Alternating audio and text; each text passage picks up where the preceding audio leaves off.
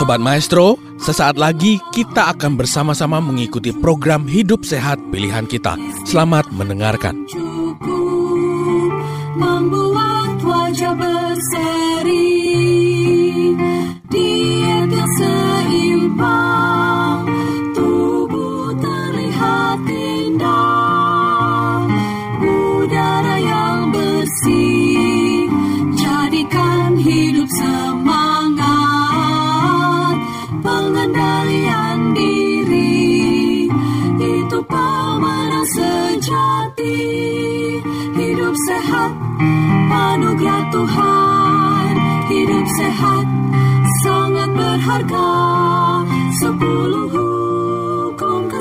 Halo semuanya, perkenalkan nama saya Willy dari Departemen Lifestyle Medicine Rumah Sakit Advent Bandung.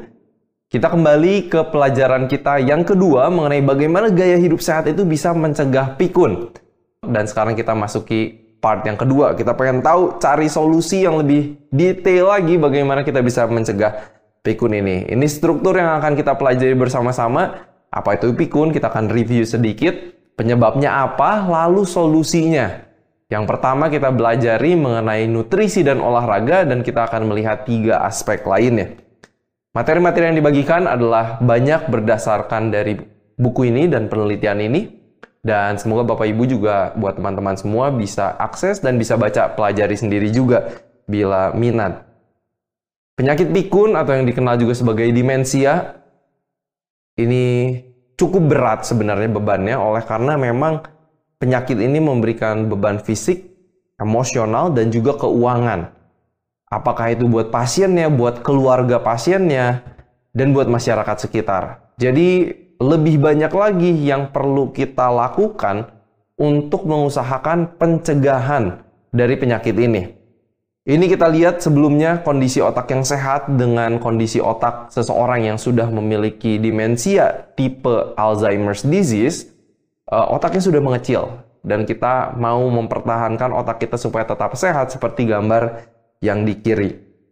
Faktornya ada faktor genetik, ada faktor lingkungan dan gaya hidup.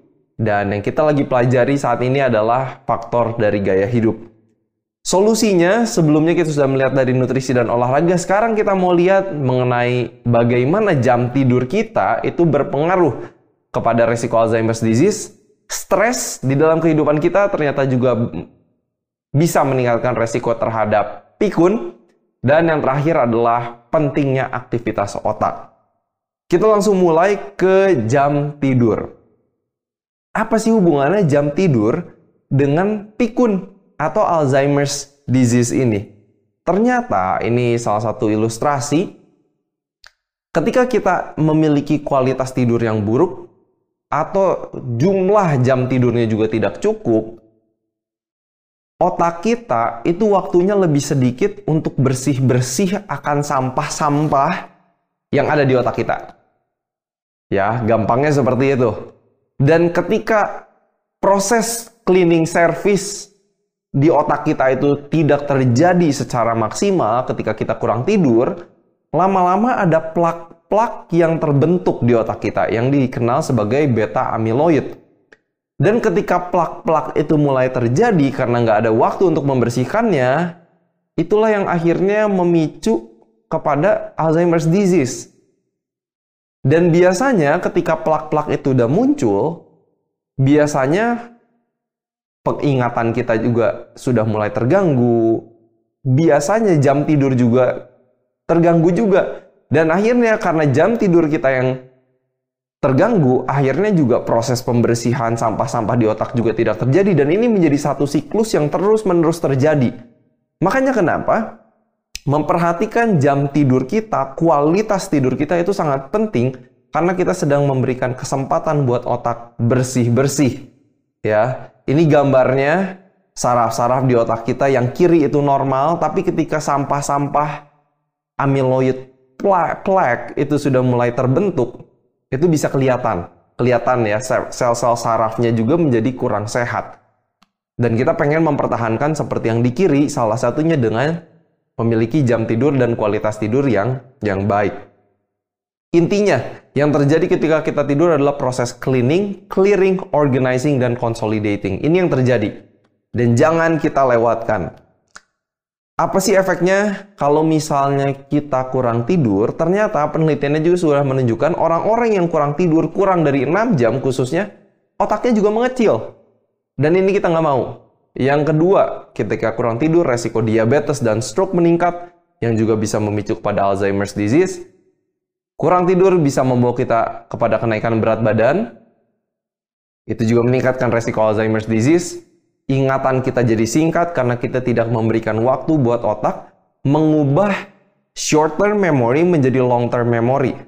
Ingatan kita yang ketika kita lagi belajar, kita baru mengingat itu hal baru, otak kita tidak diberikan kesempatan untuk mengubah itu menjadi ingatan jangka panjang.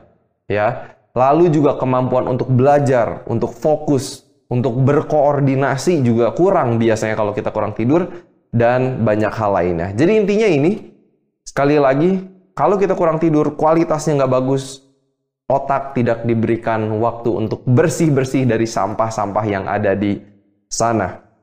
Ini beberapa mitos mengenai tidur. Banyak yang masih berpikir melewati atau kurang tidur 1 sampai 2 jam setiap harinya biasa aja, masih nggak apa-apa. Saya nggak ngerasain apa-apa kok perubahannya, saya juga masih bisa melakukan kegiatan dengan baik. Jangan lupa yang kita perlu pikirkan adalah untuk jangka panjangnya. Kalau kita terus skip 1-2 jam tidur setiap harinya, lama-lama build up, lama-lama terbentuk terus kebiasaannya. Dan kalau kita pelihara kebiasaan itu tahunan, resiko pikun itu lebih tinggi. Lalu yang kedua, banyak yang masih berpikir adalah saya bisa tidur kurang lagi weekdays, lagi kerja, nanti dibayarnya pas weekend. Pas lagi hari biasa kita tidur mungkin 6 jam, tapi nanti di weekend kita langsung dihajar tidur langsung 10 jam, 11 jam, 12 jam. Itu ternyata nggak bagus, kualitasnya nggak sama. Dan itu praktek yang perlu kita ubah juga ya kalau misalnya kita pengen menurunkan resiko terhadap Alzheimer atau pikun. Nah, bagian yang kedua kita pengen lihat ini stres dan Alzheimer's disease. Ternyata ada efek yang lumayan besar juga kalau kita stres dan resiko terhadap pikun. Kenapa? Sebenarnya apa sih yang terjadi ketika kita stres? Hormon yang namanya hormon kortisol, hormon stres ini meningkat.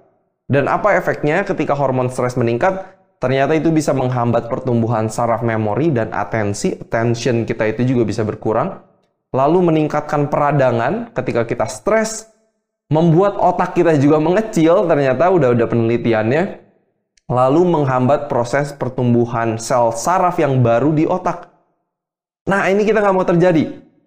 Kalau kita stres, ternyata ini semua terjadi. Dan ada lagi, ternyata seperti yang tadi disebutkan di awal, kalau kita stres, berat badan bisa meningkat, meningkatkan resiko Alzheimer's disease juga, meningkatkan detak jantung dan tekanan darah juga, meningkatkan resiko depresi dan khawatir, meningkatkan resiko resistensi insulin dan semua ini meningkatkan resiko terhadap pikun atau Alzheimer. Jadi kita benar-benar pengen juga lebih kenal sama diri sendiri kalau misalnya kita lagi stres, apa sih yang menyebabkan kita stres?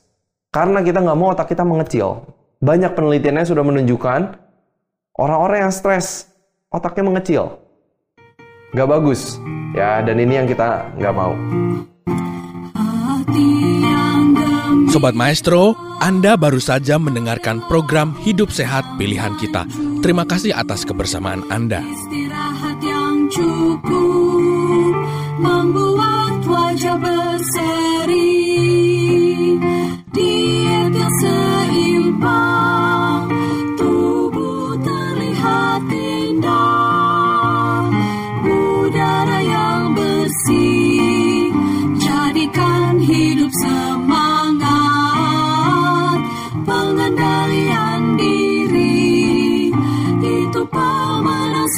sejati, hidup sehat, anugerah Tuhan, hidup sehat sangat berharga sepuluh